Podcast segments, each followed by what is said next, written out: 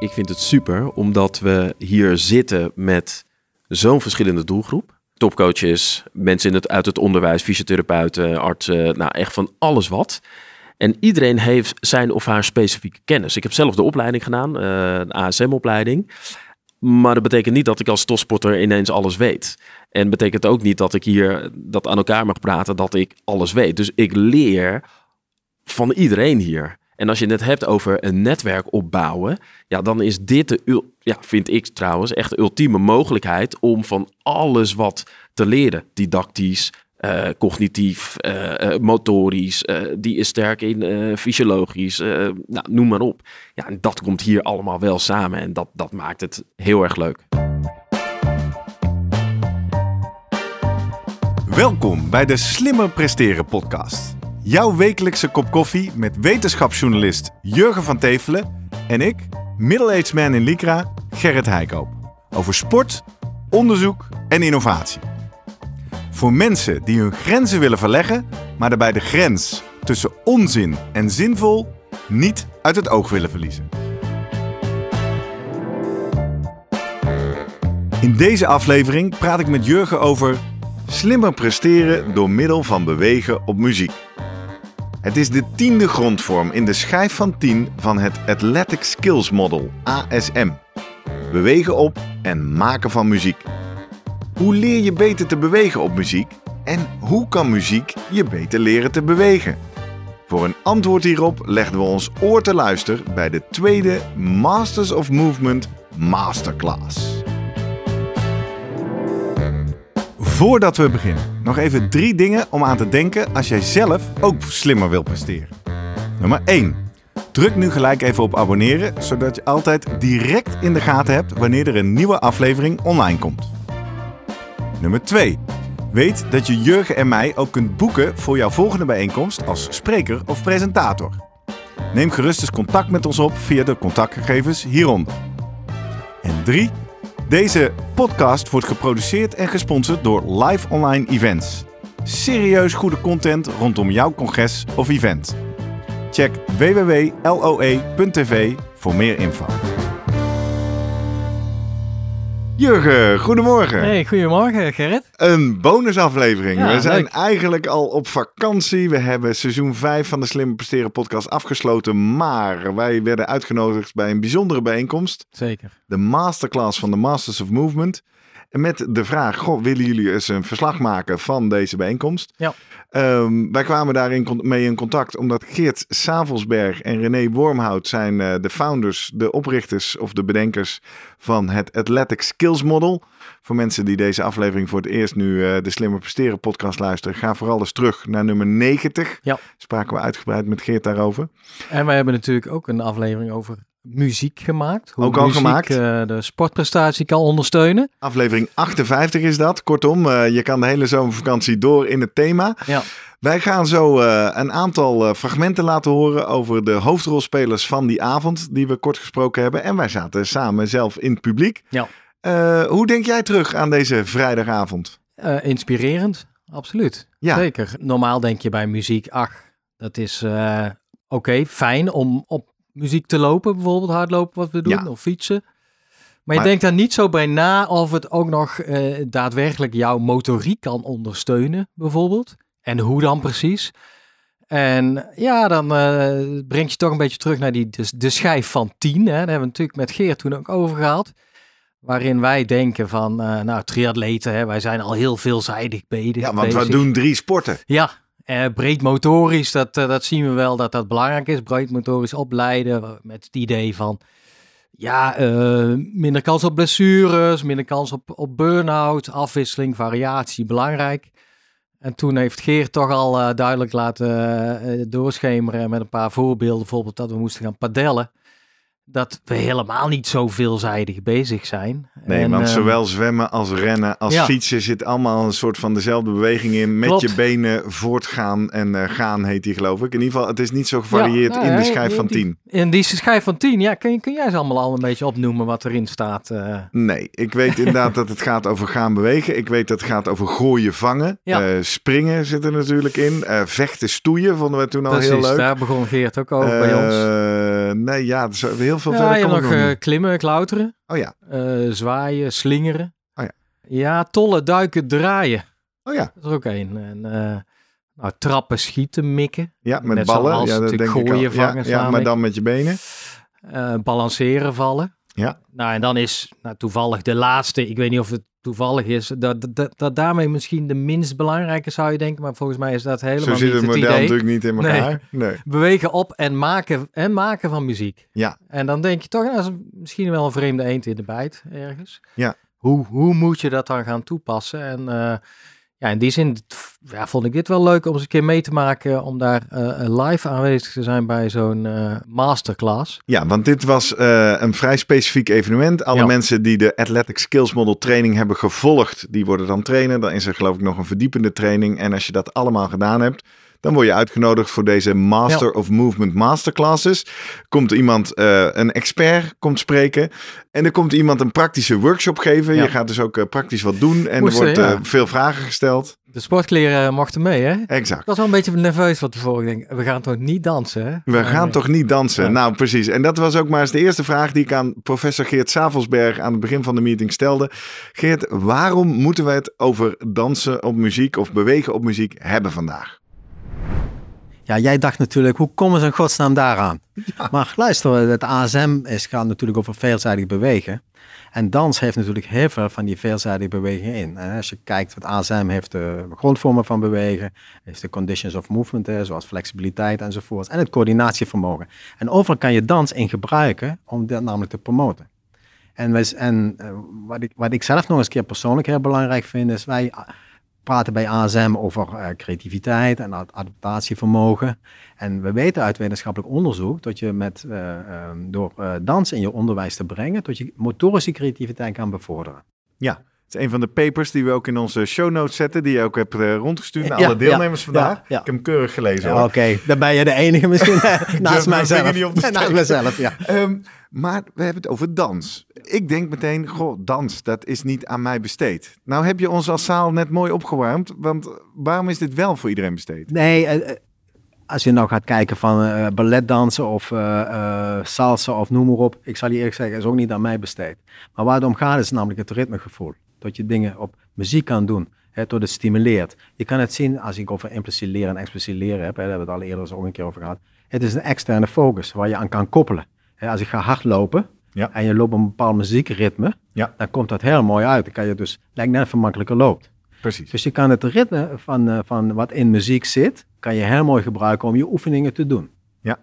En als je kijkt naar de deelnemers vandaag, wat, wat hoop je dat ze meenemen? Dat, want we hebben hier mensen, er zijn eh leraren lichamelijke opvoeding in het middelbaar onderwijs. We hebben trainers, coaches, mensen uit verschillende sporten. Nou, tot ze dus dat ritme gaan gebruiken in sommige lessen. En als de lessen eh, eh, zeg maar iets minder stimulerend overkomen, kunnen ze die muziek gebruiken om die lessen heel stimulerend te doen. En je hoeft geen danser te zijn of een eh, goede salsa of eh, balletdanser, eh, wat we allemaal vroeger probeerden op de dansles te doen. Eh, en als je dat wel kan, is ook pri- prima. Maar je kan het ook dus veel simpeler zoeken. Eh, het zelfs gewoon het klappen van een team.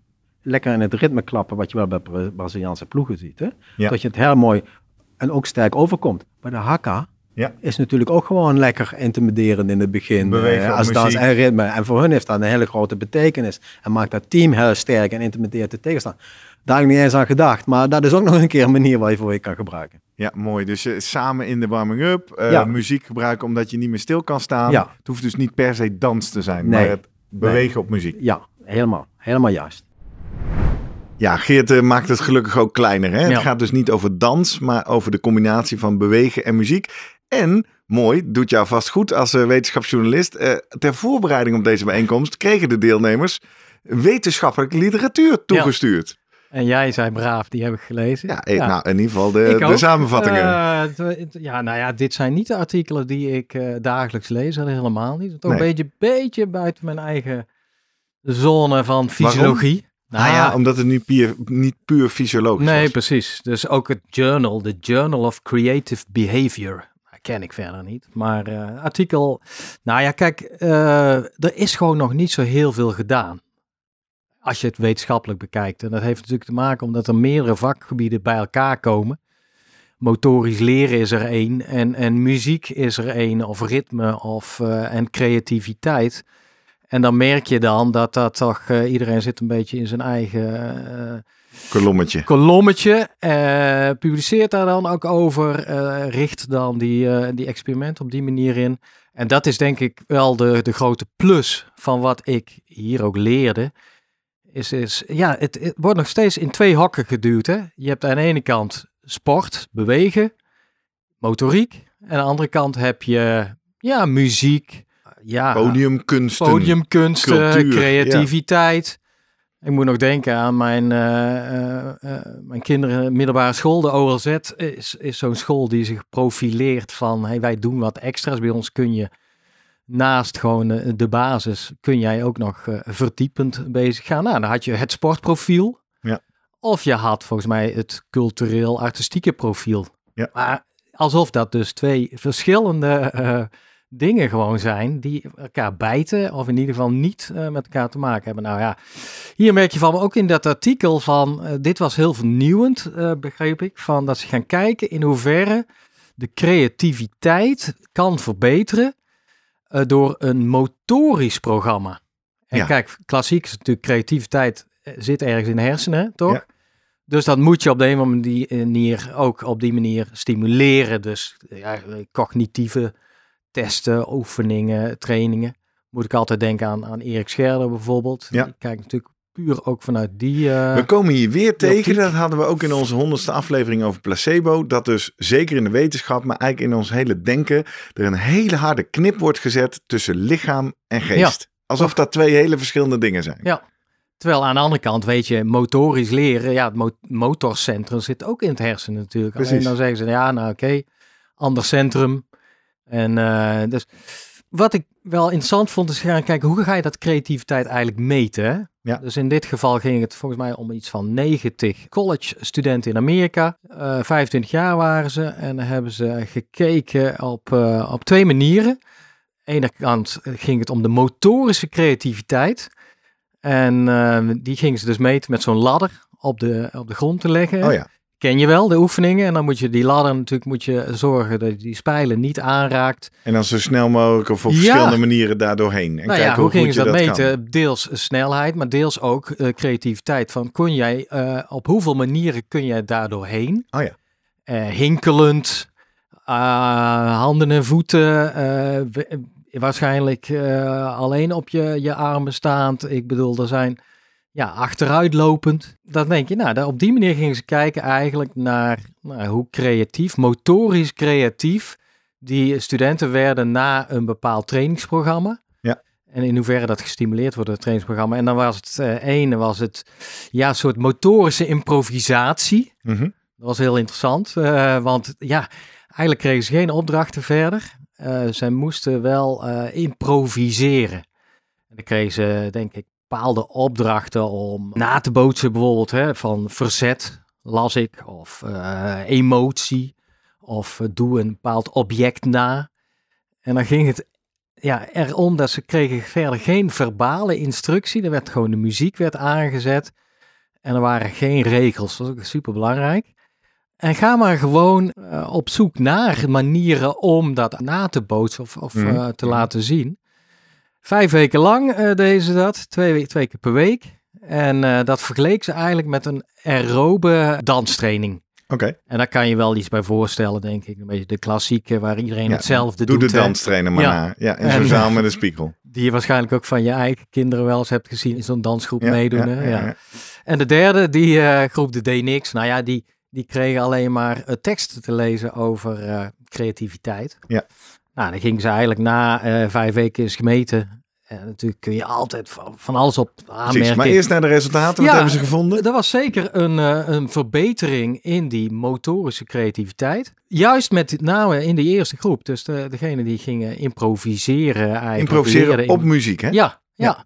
En eh, ook die tweede groep nam niets toe, maar toch minder duidelijk effect. Ten opzichte van de controle gebeurde weinig. Eh, en het grappige was nou, naast, het ging puur om de motorische creativiteit, want ze hadden ook nog Ja, eigenlijk de andere creativiteit, zeg maar, puur de meer de verbale of... Uh, Cognitieve creativiteit, ja, het brein. want die maten ze dan door bijvoorbeeld een lepel te laten zien en dan te vragen, oké, wat kan je allemaal met een lepel? Ja. Dan ga jij natuurlijk zeggen, nou, eten, hè? Ja, dat is één. Eten, scheppen en, uh, ja. en uh, dingen doorduwen van en alles. als je dan gaat doordenken, dan kun je misschien wel hele andere dingen daarmee doen. Nou ja, dat is ook een manier om daar achter te komen. Dan zagen ze eigenlijk dat, dat daar niet zozeer verbetering in zat. Dus pure verbetering van de motorische creativiteit door middel van die, die laddertaak. Met een programma van, uh, nou ja, eigenlijk improviseren op muziek. Waarbij belangrijk nog werd gezegd, ja, niet te veel uh, richtlijnen erbij hoe je dat moet doen. Laat de mensen het zelf ontdekken. Laat ze zelf mooi improviseren. En uh, vooral niet allerlei regels stellen en allerlei verbale opmerkingen van, ja, je moet het zus doen of je moet het zo doen. Ja, dat is, dat, dat, dat impliciet leren wat zij heel belangrijk vinden. Van leren door je lichaam zelf te laten ontdekken. Dus nou ja, dat is in ieder geval een artikel, een studie. Ja, die, wetenschappelijke onderbouwing Ja. voor uh, wat we hier uh, gedaan hebben en uh, waar het vandaag over ging. We horen zometeen Janine Stubbe, een wetenschapper, maar ook zeer betrokken bij Codarts. Een hele significante en belangrijke dansschool. Een van de top drie dansscholen in de wereld die daar een presentatie gaf. Die horen we zo een samenvatting geven. Maar eerst naar een pionier in het uh, dansen uh, binnen de sportwereld. René Wormhout is ja. samen met Geert Savelsberg een van de dragers van uh, ASM. En hij werd bekend min of meer omdat hij op een gegeven moment in 1995 ja. de Ajax-selectie liet dansen. En ja, in 1996 wonnen ze natuurlijk een grote prijs. Ik, ik heb hem daarna gevraagd. Ik zeg, goh, waarom ben je daar überhaupt mee begonnen? Wat is er nodig om dit goed en succesvol te doen? En dan natuurlijk ook uiteindelijk nog hoeveel tijd moet je daar dan aan besteden? Laten we maar eens even luisteren. Ja, dat was een periode dat ik als uh, fysiotherapeut bij Ajax uh, werkte. En vanuit mijn eigen sportbeleving zag, ik heb daar ook twee jaar gevoetbald, zag dat, ja, dit, dit zoals ik het wel vaker zeg, ze zijn, het waren wel goede voetballers, maar het waren geen atleten, om het maar zo te zeggen. Het waren wel, uh, ze konden wel een stukje op de piano, maar het zijn geen muzikanten. Dat, dat was toen de relatie die ik aanbracht. En ik dacht dat als het nu atleten waren en heel veel andere aspecten van vaardigheden zouden kunnen, dat het zou ondersteunen voor het voetbal. Dat leek zo'n logische gedachte. Zeker als ik naar mezelf keek. Ik, ik had uh, lang gejudo'd, uh, gebasketbald, getennist. Ik had heel veel andere dingen gedaan ook. En toen ik daar speelde en speelde met deze jongens, ja, dacht ik van ja, jullie zijn wel goed in dat voetbal, maar als ik je een duw geef, dan lig je toch wel heel erg snel plat en duurt het lang voordat je opstaat, bij wijze van spreken. En als ik jou, uh, als jij sterker bent dan ik, heb ik geleerd om jouw kracht te gebruiken. En dat doe jij niet. Uh, dus dat was een beetje de start. En toen had ik uh, de mogelijkheid um, om met Louis van Gaal uh, een, een, sessie te doen. Waarin ik zei van trainer, ik denk dat het goed is als wij op muziek gaan bewegen. Toen zei hij, nou dat denk ik niet. toen waren we heel snel elkaar. Ik zei, nee even serieus. Als je, als je naar deze voetballers kijkt, dan verwacht je dat het ook atleten zijn. En dat zijn er niet. Oh nee. Nee, dat zijn het niet. Op het moment dat je twee voetballers naast elkaar zet die even goed zijn. en de een is een atleet en de ander niet. Uh, waar zou je dan voor kiezen? En toen zei hij, ja, dan zou ik kiezen voor degene die een atleet is. Nou, toen had ik hem te pakken, zeg maar. Ja. En, toen en zei misschien ik, ook wel geluk dat het Louis van Gaal was... die zich erop voorstaat dat hij ook aan de ALO geschoold is natuurlijk. Precies. En, en die grondvormen van bewegen ook allemaal kent. En snapte die elkaar ondersteunen en beïnvloeden. Vervolgens uh, zei ik, nou, dan, dan zou ik graag voor een andere beweegvorm willen kiezen, namelijk bewegen op muziek. Waarbij uh, het, voetenwerk belangrijk is, waarbij ritme naar voren komt, ruimtelijke oriëntatie. Uh, goed en vaak draaien naar de minder voorkeurskant. Dus het onderscheid tussen links en rechts in rotaties en benen wat minder aantoonbaar of minder terug laten komen. de lenigheid, de stabiliteit, de houding, de positie. Uh, allemaal elementen waarvan ik dacht van ja, die kan je allemaal zo inbrengen. En dan heb ik het nog niet eens over de endurance, uh, gewoon het, het, volhouden van.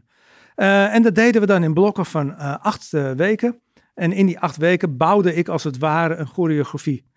die, dus toch wel echt een dans. Het ja. ging hier vanavond veel ook over dansen versus bewegen op muziek.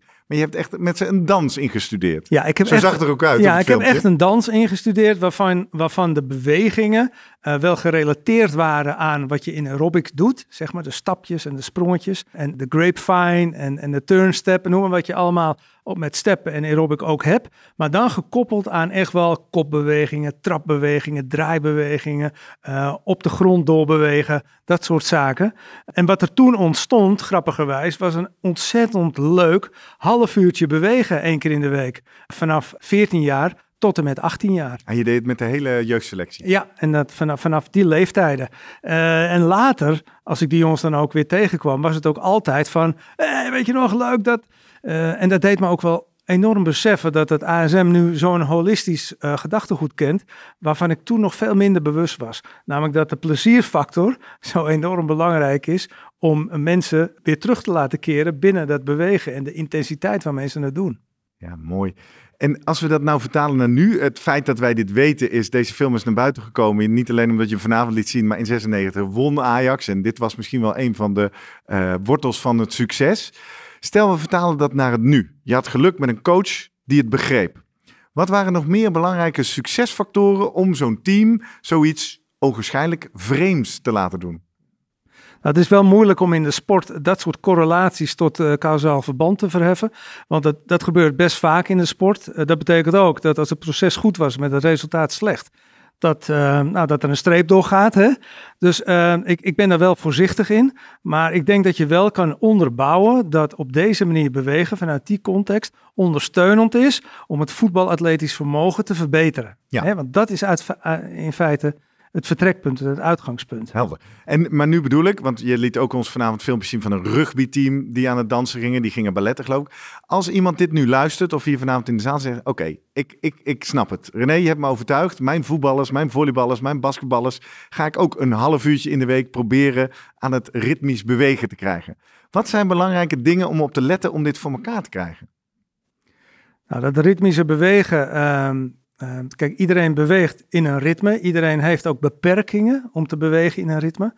En dansen en het maken van muziek kan die beperkingen, kan die grenzen verleggen.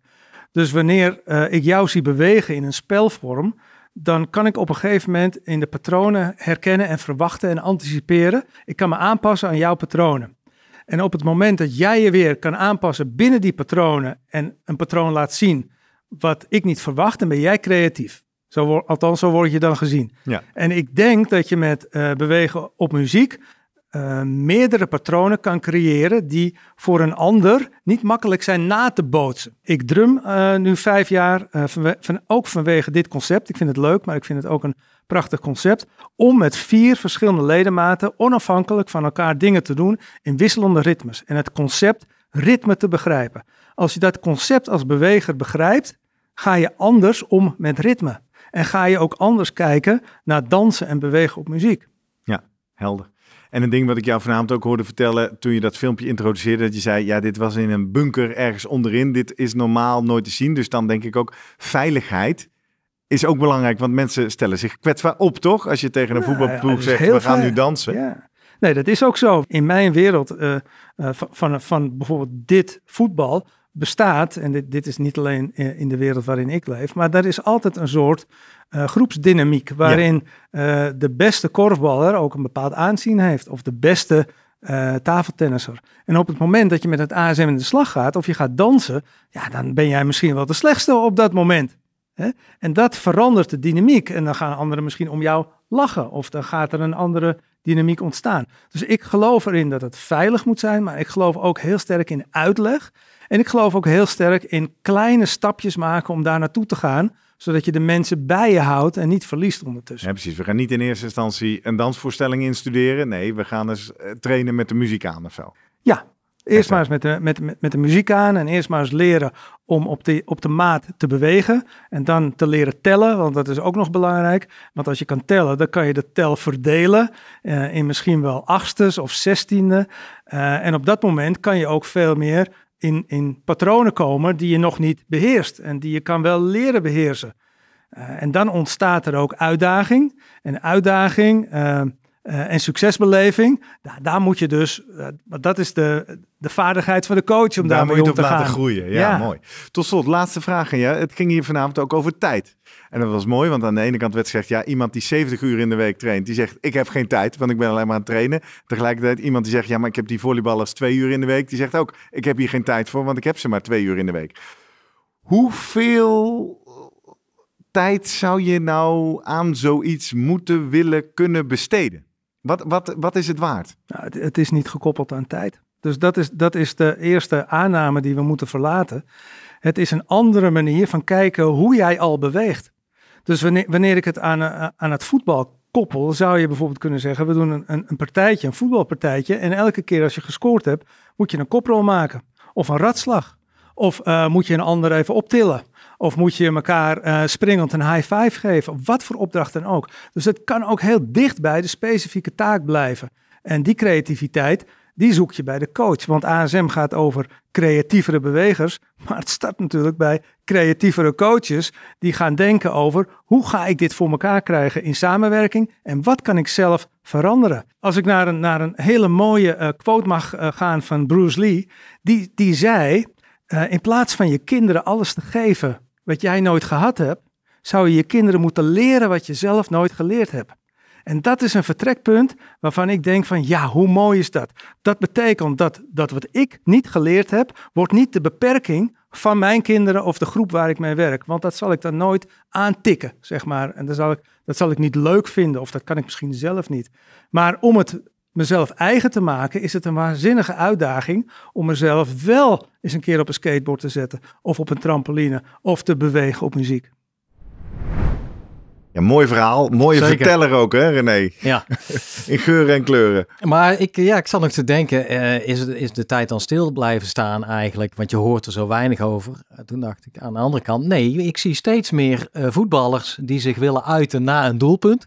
Toch? Op allerlei Ja, het begon volgens mij ooit met die... salto's. ja, die Roger Mila die met die hoekvlag wat ging, ging dansen. Maar inmiddels inderdaad driedubbele uh, radslagen en, en, salto's achter elkaar noemen. Dus misschien is het dan toch langzaam overgenomen dat in de training al geoefend wordt van wat, wat René zegt. Uh, doe die high five om, omhels elkaar. Uh. Ja, en mooi dat begin hè, dat hij zegt, wat is nou een betere voetballer? Iemand die heel goed kan voetballen of iemand die atletisch, helemaal, helemaal ja. atleet is? En, ja. en, dat is volgens mij de essentie van wat ze met ASM proberen te doen. Ja. Dan kijken ze dus ook graag naar allerlei velden buiten de, de, de kern van het vakgebied. Onder andere dus naar de top in de danswereld. Janine Stubbe was, uh, was te gast als gastspreker. Mm Kende jij haar? Ken je haar uit het veld? Ja, zij heeft in het verleden eh, al onderzoek gedaan naar, naar sportblessures met name. Dus daar, maar dat is denk ik onderzoek toch wel van nou, tien jaar geleden of zo. Ja. En nog, ja, nu doet ze ook weer onderzoek naar blessures. Maar, maar dan, specifiek in de wereld van de podiumkunsten, ja, zoals ze dat dan is uh, lector dus bij de Codarts, hè, is het uh, de, de grote internationale dansopleiding in Rotterdam. Ja. Waar ik heel weinig van af wist. Ik ook. En ik zei het net al eh, eerder in de aflevering, maar het is dus de top drie ja. dansinstituut ter wereld. Ze trekken dus ook talent aan uit de hele wereld. Uh, dat brengt ze ook in een bijzondere positie. Dat ze dus ook heel scherp kunnen selecteren aan de poort. Uh, laat maar eerst eens even luisteren naar wat zij hoopte dat uh, deze, dit gezelschap van haar ging leren deze dag. Nou, wat ik in ieder geval hoop dat ik heb kunnen laten zien, is dat podiumkunst echt topsport is. Dus onze studenten, maar niet alleen de studenten, ook de professionele podiumkunstenaars, maken heel veel hele lange uren. Um, heel veel dansen ze spelen ze muziek of doen ze circus. En ja, dat is echt topsport. En waarom vind je het belangrijk dat die boodschap beide verspreid wordt? Bijvoorbeeld in de sportcommunity die hier vandaag bij elkaar is. Nou, ik denk dat er heel veel kennis is in de sportcommunity die je zou kunnen gebruiken in de podiumkunsten. Uh, we hebben het net gehad over het monitoren. Ja. Uh, we hebben het gehad over wearables die je zou kunnen gebruiken. Nou, die zijn niet altijd geschikt voor de podiumkunsten. Ik denk dat het goed is dat we kennis uitwisselen. Ja. En dat kan alleen dat, uh, dat deze mensen die hier vandaag aanwezig waren ook zien dat het echt een heel hard vak is. Ah, mooi. Dus het is een oproep om mensen uit de sport en mensen uit de podiumkunst om meer kennis te delen en, en samen te werken. Absoluut. Je bent natuurlijk wetenschapper in die sector. Je hebt ons prachtig verteld over je tweede belangrijke punt van vandaag en dat is monitoren. Als je dat zou moeten samenvatten, wat is het belangrijkste wat we daarvan kunnen leren? Nou, dat je eigenlijk alle stakeholders betrekt. Uh, dat wil zeggen dat de mensen die je monitort moeten input geven um, ja, hoe je dat moet doen. Ja. Want dan krijg je een goede respons en dan krijg je ook betrouwbare data. En daar gaat het heel vaak mis. Uh, er wordt een tool uitgezet, niet uitgelegd waarom, geen feedback gegeven. En dan zie je dat je een respons hebt van 20% en dan kun je helemaal niks met je data. Nee, precies. Dus je bouwt een goed systeem, je hebt hem vol met data. Wat voor effecten hebben jullie eh, bereikt?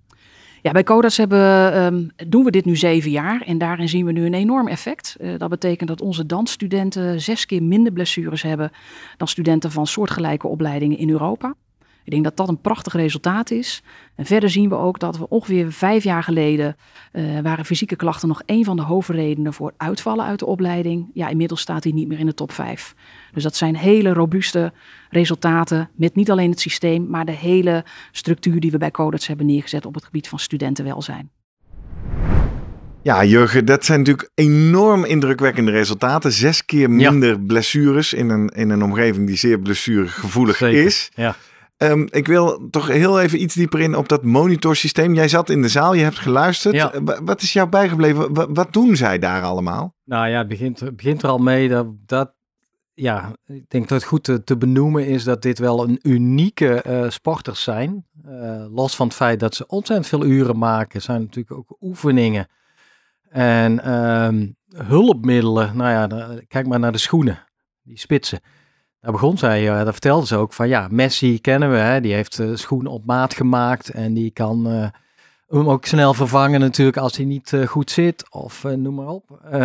sponsoren denken graag mee in dit geval, ja, in die wereld, in die uh, balletwereld, is dat niet. Ja, iedereen moet het doen met dezelfde uh, spitsen. Dat zijn geen hele fijne schoenen volgens nee. mij. En er kwam er meteen een vraag uit de zaal. Hoezo worden dat dan Ja. niet op maat gemaakt? Ja, dat mag dan Mag niet. eigenlijk niet, hè? Dan, Nee. mag, daar mag geen strepen of eh, merken op. En wat er dan gebeurt is, ieder, eh, men krijgt hun, hun spitsen om de zoveel tijd een nieuw setje. Daar wordt aan geduwd, getrokken, met de hamer opgeslagen om ze maar een beetje soepeler te krijgen. Ja. En eh, ja, eh, en het andere voorbeeld was natuurlijk, eh, eh, kun jij jouw kleine teen los van alle andere tenen bewegen? Lukt mij niet. Nee. De studenten daar kunnen dat bijvoorbeeld wel. Dus zijn hele specifieke motorische kwaliteiten die ze uiteindelijk ontwikkelen. Ik denk dat zij een heel goed traject zijn ingegaan, omdat er wel bekend is veel blessures. En vooral naar bepaalde eh, voorstellingen zie je het dan oplopen ook, waar meer gevraagd wordt. En eigenlijk werd daar in het verleden heel weinig mee gedaan. En door het opzetten van dat eh, systeem, PAHM, Ja, waar staat het ook weer voor? We hebben het in de show notes staan. Ehm. De ehm, Performing Artist and Athlete Health, Health. Monitor. Ja. En dat, laten we dat een beetje inkleuren. In de show notes ook een link naar een artikel waar, dat, eh, waar er meer op ingegaan Ja. wordt. Maar de mensen worden dus aan de voorkant getest. Wat is je basisniveau? Ze worden regelmatig opnieuw getest. Ik geloof maandelijks of in de één keer Nou, volgens mij dat om een half jaar. Dus we beginnen gewoon met eh, een soort fysieke testen. En dat is natuurlijk eh, ja, belangrijk. Heb je überhaupt een soort conditie? Ze al ballet, balletdansers hebben dezelfde VO2 max als profvoetballers, heb ik onthouden. Zij maken, eh, ja, ze hadden het ook opgeschreven, bij de Lion King moeten ze heel vaak eh, van kleding verwisselen. En dan ga je weer toneel af en op. En eh, nou, het ging om een, eh, een aantal kilometer wat zij wel tijdens de... eh, Tijdens zo'n voorstelling lopen. ja, Ja, ja, en dan avond in, avond uit, week in, week uit. Dus, Maar los daarvan is natuurlijk heel belangrijk lenigheid. In hun geval links-rechts balans. Ja. Super belangrijk. Daar sta, je ook, sta ik ook niet zo bij stil bij de sporten die ik allemaal doe. En dan balans ook, is jouw rechterbeen en je linkerbeen net zo sterk? hè? Precies. Niet zozeer Ja. kun je goed op één been staan, maar Ja. heb je, ben je in balans qua spierontwikkeling? Eh, dus zij doen ook maar ja, met sensoren plakken ze op en dan kijken ze bijvoorbeeld naar de stabiliteit van het heupgewricht bij eh, bepaalde oefeningen. Eh, hartslagmeter om, om te zien hoe snel ja, jouw hartslag reageert op. eh, in hoeverre, ja, de, en of dat verbetert natuurlijk in de loop van de tijd. Eh, En daarnaast medisch worden zij ook gewoon gescreend van eh, het, hartfunctie, longfunctie. Om maar te kijken van... dus ja, enerzijds periodiek helemaal doorgetest. Ja. Anderzijds iets wat ik herken uit mijn eigen leven met het gebruik van de HRV-app. Ja. Dagelijks een vragenlijst. Korte Ja. vragenlijst, kwalitatieve Ik weet niet of vragen. dagelijks, maar in ieder geval... Volgens mij en- wel. Ja, Uh, inderdaad, sta je op? Hoe voel je? Ja. Dat zijn die paar key uh, vragen. Heb je zin om, om te trainen? Heb je ergens last van? Heb je pijntjes? Ja. En op die manier erachter te komen van wat speelt er precies en, uh, en wat houdt je tegen eventueel om uh, vol weer te trainen. Spelen er andere dingen? En dat is natuurlijk heel erg belangrijk om te kijken van, ja, is er een bepaalde trend gaande? Hè? Bouwt iets zich op? Bepaalde nou, vermoeidheid richting blessure. Ja. En, en daarbij, nou ja, zij heeft het SEC nu over de fysieke uh, blessures. Ander component waar ze heel veel aandacht aan besteden. Daar is ook een artikel over gepubliceerd, uh, staat in de show notes, over de mentale aspecten eigenlijk. Dan gaat het puur om angst eigenlijk, uh, angst om te presteren, stress, ervaar je stress. Die, die studie die zij gedaan hebben bij, nou, het was iets van een groep van 140 van die studenten, bleek toch wel richting 40, 45 procent uh, in één jaar, in een studiejaar, toch zeker ook uh, last daarvan te hebben.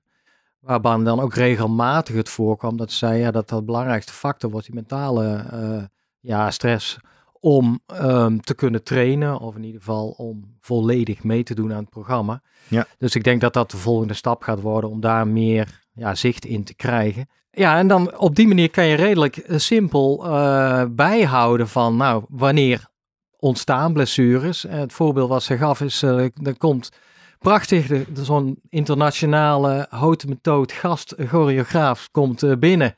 Ja, en die is een aantal weken aan de slag met zo'n groep. Maar blijkt dan achteraf bijvoorbeeld dat ineens toch een, een, een leeuwendeel van de groep daar een plus enkel blessure ja, je zag echt een dip in de ja. data. Je ziet dan een krul en daar kun je dan op handelen. Ja. Um, wat, wat ik mooi vind, op zich is dit instrument hebben we vaker over gesproken in de aflevering met Stefan van der Zwaard. Die vertelt ja. het ook. De HRV-app doet dit ook. Wat zo tof is, dat zij dat echt structureel toepassen. De combinatie van de dagelijkse kwalitatieve metingen met de periodieke fysieke metingen. Klopt. En, dat hoor je haar net ook zeggen, vervolgens ook met alle disciplines die bij zo'n atleet betrokken zijn. De fysiotherapie, de Ja. dans, de performance coach, de mentale coach, de diëtist. Zitten ze allemaal om die atleten heen. Kijken ze ook naar die data, in de eerste instantie geanonimiseerd. Belangrijk. Om te kijken hoe het met de groep gaat. Om daar vervolgens ook te sturen. Ja. Ik heb eh, haar nog even doorbevraagd. Ik vroeg haar twee dingen. Eh, ik vond het opvallend dat ze zei: je hoeft bij atleten moet je niet aankomen met blessurepreventie. Dus hoe verkoop je dan Ja. zo'n programma aan atleten zodat ze er ook echt betrokken blijven en het goed blijven invullen? En ze zei ook nog iets over welke beslissingen je dan uiteindelijk neemt op basis van de inzichten die je vergaart. Een mooie les die ik net al hoorde is, je zei, ja wacht even, maar je moet bij al deze topperformers niet aankomen met het woord blessurepreventie. is ons, ons grootste Ja. eh, bereikte doel, maar je noemt het anders. Kan je ons daar wat meer over vertellen? Ja, wij merkten dat eh, blessurepreventie niet een sexy onderwerp is eh, bij onze podiumkunstenaars. Ja, die zijn zo eager, die gaan ook geblesseerd het podium op. Wat wij merken is dat maximize your performance, dat het daarom gaat. Dus die student die wil super fit zijn om op dat hoogste podium te kunnen shinen. En eh, vandaar dat wij eh, blessurepreventie niet benoemen, maar we hebben het over maximize your performance. We hebben het niet over onderzoek, maar we hebben het echt over bijdrage aan die ultieme prestatie van de student. En dan krijg je ze mee. En dan krijg je ze mee en dan krijg je dus inderdaad een respons van over de 80%. Ja, mooi. Tot slot, je hebt ook ervaring buiten de podiumkunsten. Je vertelde hier over wat je bij Feyenoord hebt gedaan. Eh, het team Fluistermin, je hebt ook wel eens wat bij ADO geprobeerd. Wat, wat zijn je ervaringen daar in, in die sportwereld?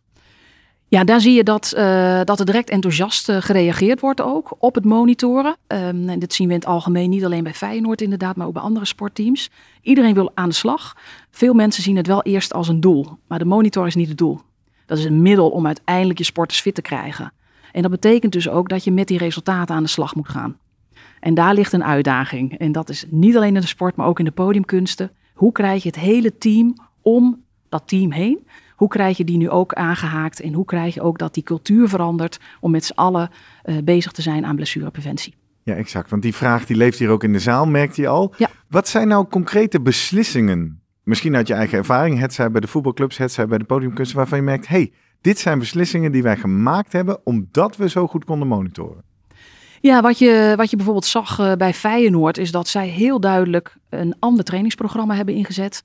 En dat ze daarmee in hun jeugdopleidingen zagen dat er minder kramp was eh, bij de voetballers. En met name ook eh, dat ze fysiek fitter waren in de tweede helft. En met name ook de tweede helft van de tweede helft. Dus je ziet gewoon dat ze eigenlijk fitter zijn gedurende de hele wedstrijd. En dat is natuurlijk een hele mooie bevinding. Ja, dus de trainingen zijn aangepast op basis van wat, het, wat ze real-time Ja. Merkten, wat er onder die spelers gebeurde eh, ver voor de wedstrijden. Ja, en wat wij dus nooit doen, dat is denk ik ook een belangrijke aanbeveling. Wij gaan nooit op de stoel van de coach zitten. Dus wij laten de resultaten zien. We gaan wel in gesprek met de begeleiders, met het hele begeleidingsteam. Maar zij stellen zelf de programma's op. Eh, anders gaat het volledig mis als ik op die stoel ga zitten. Mooi concreet verhaal, hè? Ja, zeker. Nee, ik, ik kende het wel eh, dat, dat, dat- ik wist niet specifiek Feyenoord, maar Groningen weet ik dat is ook eh, dat ze de jeugd inderdaad leren eigenlijk om te gaan met. Het is niet verkeerd om een pijntje of een blessure of een, een twijfel of iets eh, om daarmee op de prop te komen. Is juist goed, zeg maar. Eh, alleen, ja, dat kost wel even een, een, nou, een- wat tijd om eh, mensen dat ook eerlijk te laten invullen. Hè? Ja, En want dat is de discussie die in de zaal ontstond. Ja. Er werd op een gegeven moment gezegd, ja, maar wacht even. Als ik in de topsport mee wil draaien en zeker in, in, in do or die, weet je wel. Als ik het niet haal, dan word Ja. ik niet opgesteld in de voetbal. Dan ga ik niet eerlijk tegen mijn coach zeggen dat ik niet zo lekker geslapen heb. Omdat ik niet zo lekker in mijn vel zit. Ja. Want dan sta ik ernaast. En als ik ernaast sta, speel ik geen speelminuten. En als ik geen speelminuten heb, dan word ik niet beter. En kortom, daar gaat mijn topsportcarrière. Ja, eh, Janine zei daar wel, vond dat ook lastig, maar die ging er toch uiteindelijk vanuit dat, ja, linksom of rechtsom, eh, die app is ontwikkeld natuurlijk met die studenten, continu, continu feedback, Ja. waardoor zij ook een hoge eh response rate hebben. Ehm, en uiteindelijk gaat het natuurlijk om als jij kan aangeven, ja, maar het is niet zo als jij nu aanvinkt van ja, ik heb eh, slecht geslapen, dat jij de volgende keer er lang staat of zo. Dus je moet ze ook eh, het grote eh, geheel, denk ik, schetsen. Waarvoor doe je dit? Eh, niet alleen voor jezelf misschien. Uiteindelijk om die betere performance. Ja, dat zei ze in het begin, hè? een betere atleet worden. Wat mij nog opviel uit het bedrijfsleven, ken ik wel het inzicht dat je iemand die een performance coach is of iemand die eh, bij je staat om jou beter te maken, Ja. moet iemand anders zijn dan degene die beslist Klopt. of jij wel of niet opgesteld wordt. We Ja. horen Janine aan het einde zeggen, wij gaan niet op de stoel van de coach zitten. En ik denk andersom misschien wel een advies. De coach moet misschien ook wel eens niet op de eh, stoel van de ontwikkelende eh, coach. Ja, Ja. dat is natuurlijk in de sport moeilijk, want dat ligt heel klopt. dicht bij elkaar. Nee, maar ik, we moeten denk ik ook niet nu denken van dat zo'n coach eh, met, met, met de laptop voor zich alle Excel-sheets van zetten, maar meer van hey, als een soort backup, denk ik, hulpmiddel. Ja. Dat je toch eh, aan de ene kant ziet van nou, iemand eh, zit nou, iets, iets trager geworden, minder vrolijk op de training. En dat je Ik dan... realiseer me opeens, dit is natuurlijk een enorm verschil tussen teamsporten, waar mensen worden opgesteld of niet, en individuele Ja. sporten. Want ik als individuele atleet naar Guido wil Ja. Alles delen, want hij moet mij, het Ja. enige wie opgesteld wordt, ben ik. Ja. En ik probeer zo goed mogelijk te presteren. Ja, je zit toch die competitie-element Ja. in. Als, als ik nu ernaast sta, ja, dan gaat het Ja. Pietje eh, komt voor mij in de plaats. En dan kom ik nooit meer terug op mijn plekje. Dat is wel een specifieke dynamiek in teamsporten, en dat ik. is denk ik ook interessant voor die balletdansers uiteindelijk. Maar ja, als je ziet hoeveel halen die, die, die- ja, die top is natuurlijk best wel nauw. En, Ja. Eh, ja, maar nou ja, ik denk wel dat zij een goede stap hebben gezet. Door als eerste dit meten. Nou, de resultaten zijn er ook naar. Maar, ehm, en wat zij ook aangeeft, dat ze eigenlijk de volgende stap is dat zij slimmer gaan trainen. Hè? Voorheen was het gewoon echt normaal. Volume, volume, Ja. volume. Zes Ja. dagen in de week.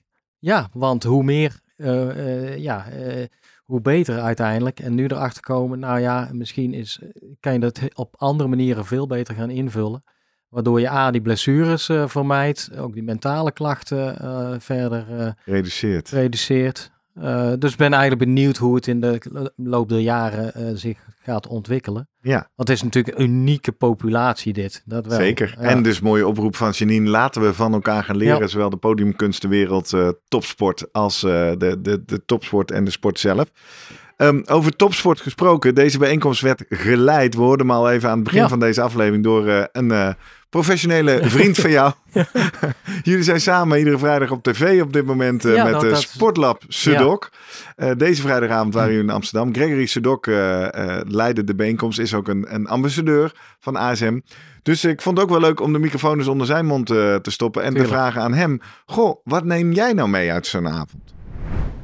Mijn belangrijkste lessen is toch wel, die zijn dat, dat Janine het had over het ehm, eenzijdig bewegen van de dansers. En als zij veelzijdig gaan bewegen, raken ze geblesseerd. Dat zijn ze ook niet gewend. Dan blijft met, bij mij natuurlijk de vraag hangen van, doen we het dan altijd goed? Hè? Dus doen zij het altijd goed, de dansers? Of kunnen zij nog beter worden door veelzijdig te bewegen? Alleen dan raken ze dus geblesseerd.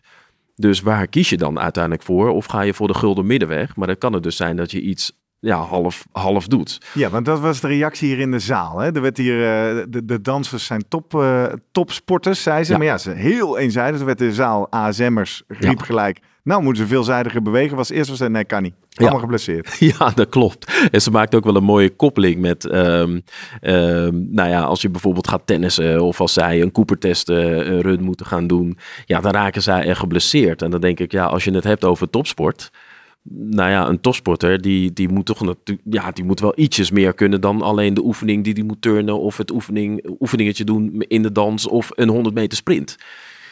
Ja, dat, dat vind ik toch wel heel erg interessant. En dat is een interessante observatie uit de podiumkunsten. Hoe kunnen we dat vertalen naar de wereld van sport die hier bij elkaar komt bij deze bijeenkomst? Nou, toch wel dat, eh, dat er een stukje mindset bij, kijken, eh, kom, eh, bij komt kijken. Ehm, over, eh, eh, want als je kijkt, er is 0% uitval, maar wel 70% eh blessures. Ja, bij deze Ehm, dansers. Bij deze dansers, inderdaad. Als je dat vertaalt naar, naar bijvoorbeeld de topsport, ik vertaal hem even naar de atletiek. Ehm, als je het daar hebt over 70% blessures, dan is het bijna onmogelijk om te spreken van 0% uitval. Dat betekent dus dat de intri- intrinsieke motivatie wel heel erg hoog moet zijn, wil je uiteindelijk doorgaan. Ja. Nou, die, die was er bij mij, dat is er bij heel veel sporters, maar heel veel sporters redden het ook niet. Nee. Ik heb het nogmaals over eh codarts, hè? dus echt Ja, de ja, ja. absolute topsport van de danswereld. van de, van de danswereld. Ja. Ehm, deze mensen zijn gescreend, deze mensen zijn al, eh, eh, die, die worden gevolgd, bijgehouden met apps, et cetera.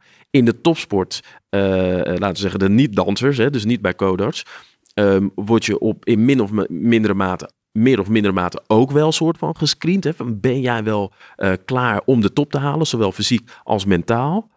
Maar daar is zoveel meer uitval op dat niveau. Ja.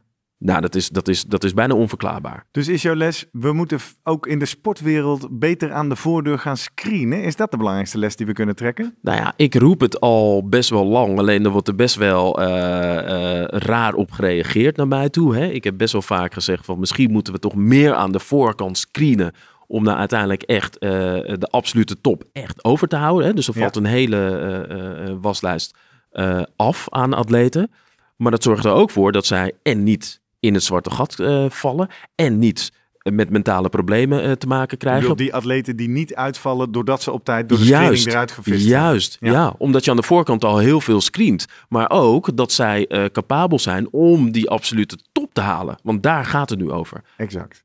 Ik zit dan wel meteen heel praktisch te denken. eh, dat werd hier vandaag ook gevraagd. Waar begint de voordeur van zo'n traject dan? En dan ga je natuurlijk al snel de jeugd in. En in de Ja. jeugd is sporten natuurlijk ook plezier. Ja. En bewegen en motorisch ontwikkelen. Ja. Dus ik vind de visie van de screening heel mooi. Maar ik denk meteen praktisch, ja, waar leg je die dan? En, en ga je dan ook niet mensen wegsturen die gewoon nog plezier hebben in het sporten? Ja, precies. Nou, je moet zeker een schifting maken tussen, eh, tussen plezier, de amateursport en topsport. Alleen iemand die, ehm, die, die, die helemaal niet goed is in bijvoorbeeld eh, eh, sprinten, de 100 meter sprint, zou wel zomaar Olympisch kampioen hockey kunnen worden. Of schaatsen, of, of nou, noem eens een sport, een, een, een volleybal. Ja. Dus die kan wel heel goed zijn in een andere sport, alleen niet in de atletiek. Precies. Dus dat betekent niet dat iemand niet goed is in bewegen of niet, niet iemand goed is in... Maar als jij de explosiviteit mist, nou, dan zouden we bijvoorbeeld kunnen screenen van... hey, is misschien een andere sport wel wat voor jou? en dan kan je alsnog exact. op een hoger niveau sporten. Of diegene blijft toch doorgaan, die heeft plezier, want je hebt natuurlijk ook de breedte sport nodig, hè? begrijp Ja. me niet verkeerd. Ja. Ehm, ehm, en die gaat lekker op amateurniveau verder. Dat Ja. is toch ook helemaal prima? Laatste vraag, en dat komt omdat ik me heel bewust ben van deze zaal. Mhm. ASM, Athletic Skills Model, waar Ja. alleen maar eh, wordt gepromoot breed ontwikkelen, breed motorisch ontwikkelen. Ik zit nog even door te peuren op jouw visie over screenen. Dat klinkt ook als vroegspecialisatie. Dus hoe combineren we nou het breed motorisch ontwikkelen, veel verschillende sporten blijven doen en tegelijkertijd die toppers op tijd eruit vissen? Ja, dat, dat heeft ook wel te maken met het niveau van eh, de coaches. Je moet kunnen zien hoe iemand beweegt, hoe iemand reageert op bepaalde eh, zaken. Daar heb je tien grondvormen voor. Ja. Ehm, ehm, een coach moet dat kunnen herkennen. Van hey, zag je eens hoe hij de bal bijvoorbeeld ineens uit de lucht eh, ving? Ja. Hè, dus, dus dat zou misschien op een, op een honkballer of zo Ja. eh, kunnen. Of, of op een speerwerper, een snelle arm. Dus daarin kan je al heel veel zaken herkennen. En dat is motorisch talent. nou, bijvoorbeeld. Bijvoorbeeld. En, en, en dat kan ervoor zorgen dat je al op vroeg, vroege leeftijd gaat screenen. Zonder dat je zegt, we gaan nu testen en we gaan plakketjes ophangen en we gaan vermogen strappen en dat soort dingen. En jij moet het atletiekprogramma uit. Juist, juist. Nou, niet op die manier. Maar juist door te kijken van, hey, stel dat je bijvoorbeeld een meerkamp hebt in de atletiek. Iemand moet bal werpen, iemand moet springen, iemand moet eh, eh, eh, nou eh, bijvoorbeeld even judoën. Dus die moet vallen, die moet rollen, die moet staan, springen, balan- balanceren, et cetera. Dus kijk naar de tien grondvormen en kijk eens in welke sport iemand eventueel kan uitblinken. Want die krijgt daar waarschijnlijk ook plezier in. En als ze dan toch nog stug blijven houden van, maar ik wil per se voetballen, ik zeg maar wat. Laat diegene lekker voetballen. Maar dan weet je wel van tevoren, dat wordt geen topspeler.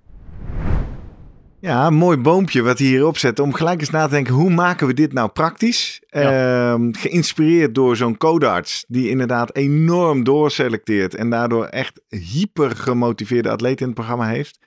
Ja, de vraag is even hoe haalbaar dat is in alle Ja. andere topsportprogramma's. Ja, dit is, dit is een unieke school natuurlijk. Hè? Die selectie aan de poort. Ik heb nog even op de, de, de website gekeken. Maar je kan dus op middelbare school al, HAVO, VWO, kun je daar gaan doen. Hè? Als een soort, Als een soort eh, vooropleiding. Ja. Ja. En, eh, en overal lees je, wat zijn de toelatingseisen? Ja, je moet audiëntie gaan doen. Ja, in, in, elk, dus, en daarna komt dan een bachelor, eventueel nog een master erbovenop. Het is continu audiëntie doen. Waar zij ook nog even, Janine, iets, iets, iets over zei, hè, dat ze dat nu ook eh, mee bezig zijn. Kan jij dat nog herinneren? Dat ze, ze liet zien wat is de, het gezamenlijke aan Willem Jansen, de voetballer, was Barbara Streisand en Hugh Grant. Dat ze allebei eh stik nerveus waren Ja, voor ja, hun over die mentale Ja. stress. Ja, Dus dat, eh, ja, dat ze nu dus eh, daar ook... eh, ja, ook weer op monitoren. Ja, en, en juist oefenen hè, door gewoon een, eh, een setting te creëren, een soort filmzaal waarin je het idee hebt, oh, ik word bekeken. Ja. Terwijl dat gewoon... eh, En Gregory zegt dus, daar zouden wij wel iets van kunnen leren in de sport. Misschien moeten we toch ook zorgen dat we de topsportprogramma's, geld is schaars, dat we Ja. die richten op de mensen die daar het meest kansrijk in zijn. is altijd, eh, ik snap ergens wel wat hij bedoelt, van, eh, maar ja, de misinterpretatie zal door, door anderen weer zijn van, ja, maar je wilt toch niet, hoe vroeg ga je dat doen? Ja, En kijk, wat we nu in ieder geval vanuit die wetenschappelijke literatuur weten, is heel vaak dat, nou ja, eh, ASM ondersteunend, een brede opleiding eh, met meerdere sporten en plezier voorop, nou dat zei Gregory ook. Ja, uiteindelijk eh, levert dat meer duurzame toppers op. Ja. Het is altijd de Federer-weg, die eh, Roger Federer, die van allerlei sporten deed, ijshockey, voetbal, eh, noem maar op. Pas op zijn twaalfde echt serieus zei, ik ga tennissen ten, ten opzichte van Tiger Woods, die op zijn eh, derde al een, golfclub ter hand nam en al een balletje sloeg. Die het ook haalde. Maar ja, je kan eh, alle onderzoeken die laten zien, die kijken een beetje terug. Die zeggen, nou ja, dat breed, breedmotorisch opleiden is toch wel, levert uiteindelijk meer op. Ik denk wel, het, het punt is gewoon, we kunnen gewoon heel veel meten. En veel meer meten dan we doen. Ehm, maar in hoeverre je dat al daadwerkelijk gaat inzetten als selectieinstrument, ja, dat... eh, spannend hè? Ja. Maar leuk om Gregory dat dan terug te horen vertalen naar het Athletic Skills Model. Hij zegt het is de taak van de coach om niet alleen te kijken wat is de top voetballer, verspringer, sprinter. Ja. Maar ga nou eens kijken naar jonge talenten en herken welk motorisch talent erin zit en stuur ze dan eventueel Precies. bij. En dat vind ik natuurlijk een mooie oproep. Hij zegt dan, doe dat op een atletiekbaan als je ze ziet meer kampen. Nou ja, dat zijn natuurlijk maar weinig mensen die je daar ziet. Waar je wellicht nog veel meer mensen kan zien, is in een gymzaal. Als je ze laat bewegen op muziek. Ja. En dan komt de cirkel weer helemaal mooi rond. Dat gingen wij ook doen, eh, daar in Amsterdam. Gymkleren mee, zei je al aan het begin van de aflevering. Eh, Sander Plomp is een dansdocent. Hij eh, geeft ook les aan, eh, aan de ALO, is zeer ervaren. En gaf ons een workshop. Ja, ik was bang dans, maar het werd bewegen op muziek. Even voordat we naar Sander gaan luisteren, hoe heb jij het ervaren? Eh, ik heb het ervaren. Nou, ik eh, kwam toch de, mijn, mijn beperkingen ook wel weer tegen. Ritmegevoel met name. Oh. Eh, links, rechts is totaal in disbalans bij mij. Want je moest dan... Ja, Hoe laagdrempelig hij het ook inbracht. Hè? Hij zette gewoon muziek aan, ga maar wat bewegen. Nou, het begin ging nog redelijk. Hè. Dan moest je een beetje over die grond zo'n halve ratslag doen. Op één arm denk je, oeh, dat is best wel al eh, kracht, coördinatie, motoriek. Maar dat ging wel redelijk. ja. Alleen dan kom je ook in die ruimtelijke oriëntatie. Eh, ja, je wil tegen niemand aanbotsen. Maar het was met- nog wel al vrij, wat je net uit die eerste paper aanhaalde, vrij improviserend, Ja, toch? zeker. Hij zegt, hij, Ja. ik zet muziek op en Ja. doe maar eens wat. Alleen op een gegeven moment werd het een, een keten van ja, eh, bewegingen om je as heen, omhoog, omlaag, in verschillende richtingen. En ik merkte gewoon dat ik bijvoorbeeld de, de rechterkant ging goed Ja. en dan de linkerkant helemaal niet. En dan ga ik nadenken van, oh ja, eh, moet ik ook nog luisteren? Wat komt nu hierna? ja. En dan ben je, Spontane- dan ben je de- alweer te De laat. spontaniteit viel weg. Toen keek ik toch stiekem naar anderen, hoe die dat deden. En dan, Ja, en had je ook nog verloren. pech, want ik kwam daarin en we keken eerst Ah, ja. allemaal naar links. Toen dacht ik, nou vind ik hier een plekje achterin. Draaiden we kwartslag, stond ik vooraan. Ja, Oh, ja. kak. Ik denk, als mensen nou maar niet naar mij gaan kijken, want ik kan het helemaal niet. Nou ja, Nee, maar ik vond het, eh, ja, dit was wel een andere invulling dan ik dacht van, oh jee, we, oh jee, we gaan dansen, daar heb je het al. ja. En nee, eh, en al, al die, die, ja, als je gaat nadenken, waar voelde je het allemaal, waar merk je het allemaal? Nou ja, dat is inderdaad, dan denk je, ja, je gebruikt wel heel veel. Het hele lijf gaat Ja. aan, hè? Ja. En, eh nou, ik, En ik leuk. moet zeggen, complimenten eh, eh, naar eh, onder andere Geert en René die deze bijeenkomst organiseren. Ik vond het ook wel een heerlijke manier om te leren. Ja. Hè, dus we begonnen in een zaal en Janine gaf een mooie presentatie. Is ook een mooie vorm. Toen hadden we een mooi verdiepend gesprek. Een deep dive noemen ze dat. Mochten we vragen stellen. En, En nu gingen we gewoon wat doen. Ja, Leuk. Nou, ik heb natuurlijk aan het einde van die sessie in die gymzaal, dat hoor je ook wel, lekker hol, Sander Plomp ook even voor de microfoon getrokken en gevraagd. Nou, wat hoop jij nou dat we hebben geleerd van deze sessie? Eh, dat eh, bewegen op muziek slash dans minder moeilijk is dan dat ze altijd denken.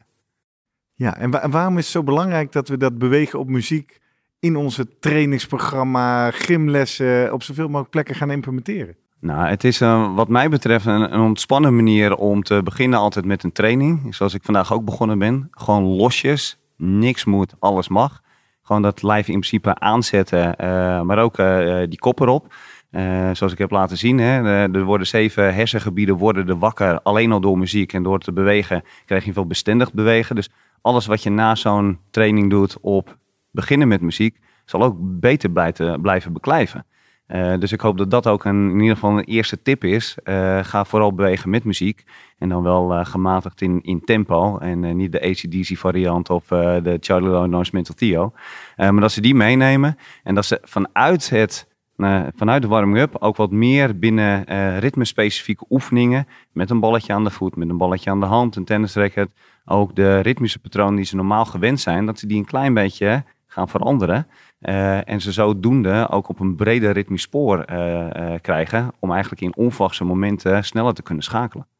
En uiteindelijk dus coördinatie te verbeteren en daarmee de hele prestatie te verbeteren. Wat voor benefits of voordelen kunnen we nog meer verwachten? Nou goed, ik heb het zweet nog op mijn voorhoofd staan. Dus endurance, die kan er sowieso bij. Maar met name een stukje flexibiliteit, agility, snel wenden en keren. maar ook op de voorvoeten in een onverwachte, nou ja, uit balans situatie toch in balans blijven. En dansen gaat vaak over ook off-balance zijn. Dus dat is net op het randje van daar waar de kunst het mooi vindt van ga je wel vallen, niet vallen. Is het voor de sporter van belang om zo snel mogelijk weer terug te komen in de juiste balans, hè, de robustness. Eh, dus ik hoop dat ze daar eh, in ieder geval eh, naartoe willen bewegen. En het liefst op muziek. Mooi. En als nou mensen hier vandaag of uh, luisteraars enthousiast worden. Uh, Ja. Jij schetste tijdens de sessie al een heel mooi verhaal over hoe een gymleraar op middelbare school zijn gymles al mooier kan maken. Gewoon door de muziek al aan te zetten. Ja. Uh, hoe begin je hiermee? Moet je hier per se ASM voor geschoold zijn? Of wat, wat zijn de lage manieren of simpele manieren om hiermee te starten? Nee, daar hoef je zeker niet ASM voor geschoold te zijn. Dat zouden ze misschien wel graag willen. Uh, maar iedereen die vanuit zijn enthousiasme uh, in ieder geval beweegt op muziek. En ik zeg altijd ook tegen mijn studenten: joh, al heb je daar een roze panty voor nodig, een paarse pruik en een grote plaksnor. Um, om over een drempel te komen voor een groep te bewegen, doe het. Maar des te leuker je het aanbiedt, des te gekker. Hè, de meester of juf is gek. Dan maakt de beweging eigenlijk niet meer uit. En als je ze van daaruit los kan krijgen in wie ben ik en ik mag er zijn.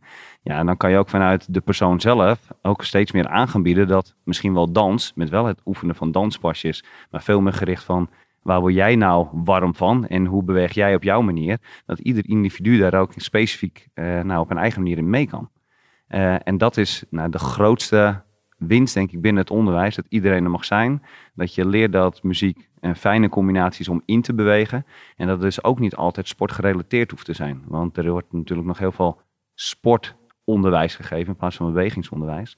Uh, en dans valt daar altijd net op een andere manier buiten. Terwijl dans wel topsport is, maar het wordt in principe altijd nog als kunstvorm gezien. Ja, wat moet je daar nog aan Niks, toevoegen? hè? Nee. hè? Fantastische spreker, Sander ook. Naast dat hij fantastische beweger en danser is. Ik was ook voortdurend een beetje ge- geïntimideerd als ik zag hoeveel beheersing hij over zijn lijf had. Ja, nee, ik, ik vond het wel. Ik moest even denken, het bredere ritmische sporen waar wij het over had. Dan zie je, ja.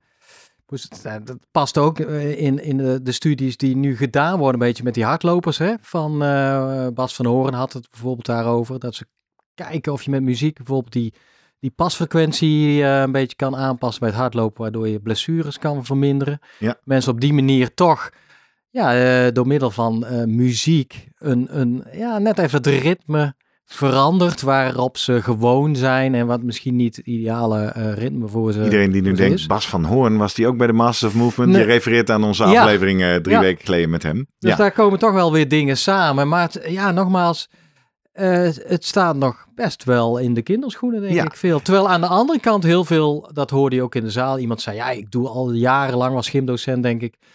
Want die kinderen zijn een beetje opgefokt natuurlijk bij de gymles. Nou, gewoon muziek aan.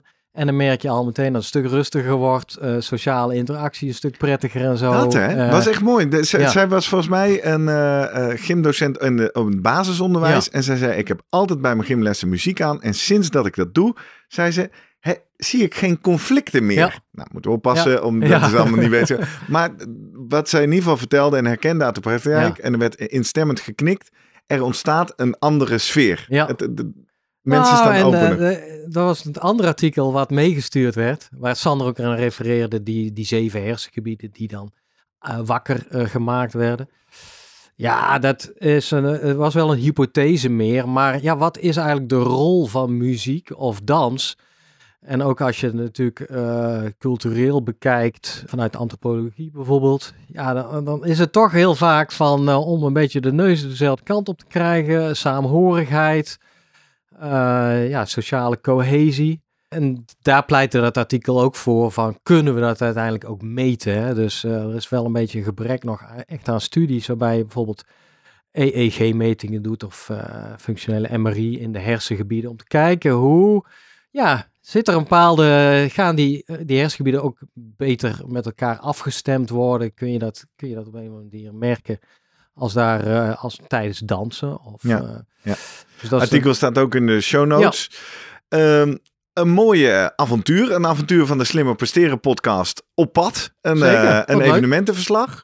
Eh, hier kwam wel echt alles samen. We hadden wetenschap als basis. We hadden een hoop mensen uit de praktijk. Eh, ook zeker op amateurniveau of zelfs in het onderwijs. Of niet zelfs, maar ik bedoel, dat Ja. is ook geen topsport. Tegelijkertijd hebben we enorm geschuurd tegen de topsport aan en gedeeld uit de topsport. Hoe, eh, hoe kijk je nou terug nu? eh, we zijn eh, een week later. We, we blikken terug. Wat Nou, blijft ik- er hangen? ik ben, ja, nou, ik, dat ook ik misschien een beetje vastgeroest ben nog steeds in de klassieke fysiologie. En, en dat je juist, ja, of dingen die je vanzelfsprekend soms ziet van, ja, een warming-up met muziek.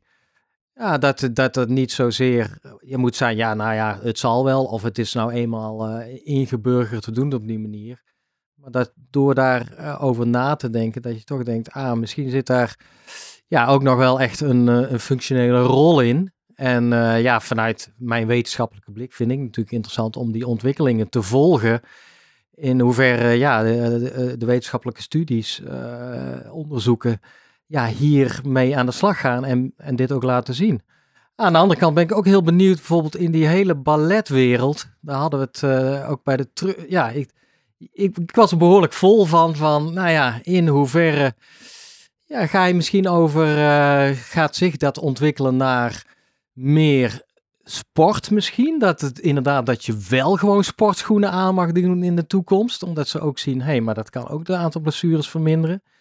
Uh, of blijft het toch nog er, heel erg bij het artistieke hangen, zeg maar. Uh, dus ja, nou, ik heb, ik heb heel veel geleerd. Heel ja, veel nieuwe dingen. Heel en, interessant. Uh, en ook voor mezelf uh, zeker ja, inspiratie opgedaan. Ja, ik ook. Ik zit nog wel een beetje te zoeken hoe ik dat nou concreet vormgeef in mijn leven ja. als amateur triatleet. Anders dan inderdaad met nog meer plezier muziek opzetten. En ja, ik, ik ga vaak hardlopen met podcast op.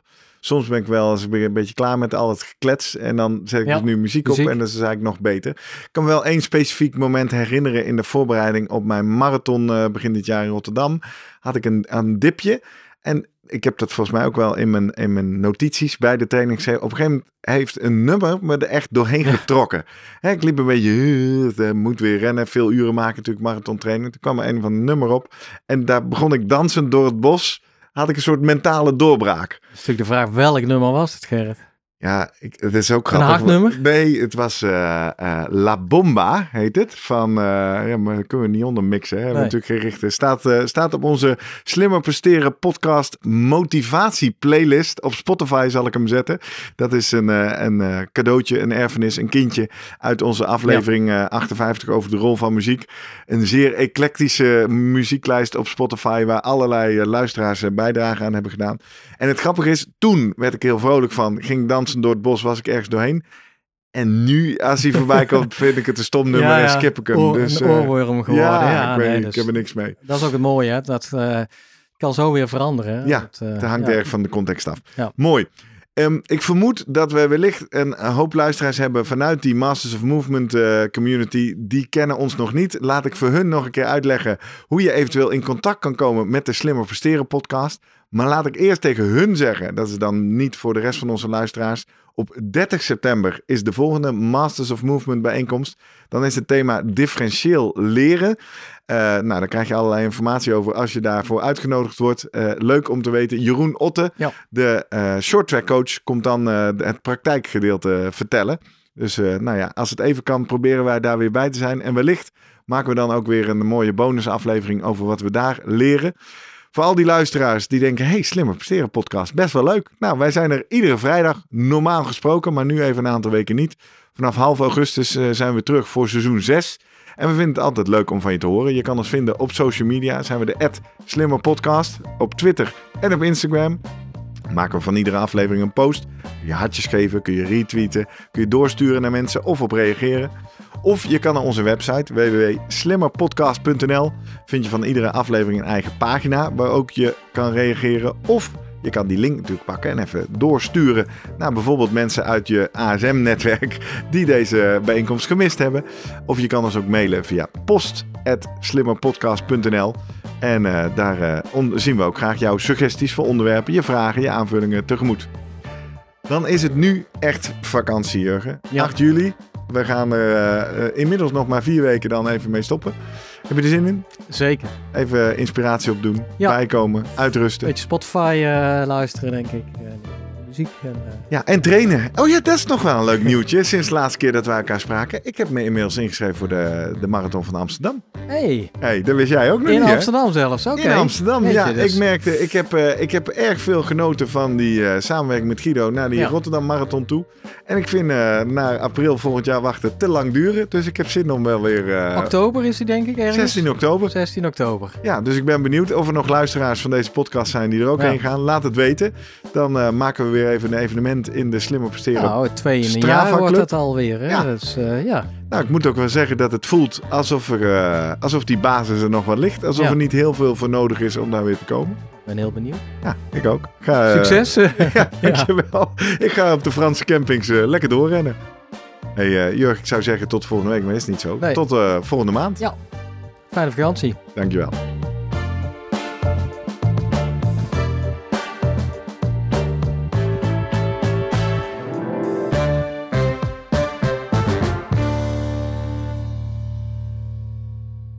Nog even goed om te weten. Wij ontvangen zowel financiële als materiële ondersteuning van een aantal commerciële partners. Deze partners hebben op geen enkele wijze invloed op de inhoud van onze podcast. Hey, pst. Voordat je weggaat, denk er nog even aan uilentorenloop.nl. Dan zien we je de eerste zaterdag van juni. Tot dan!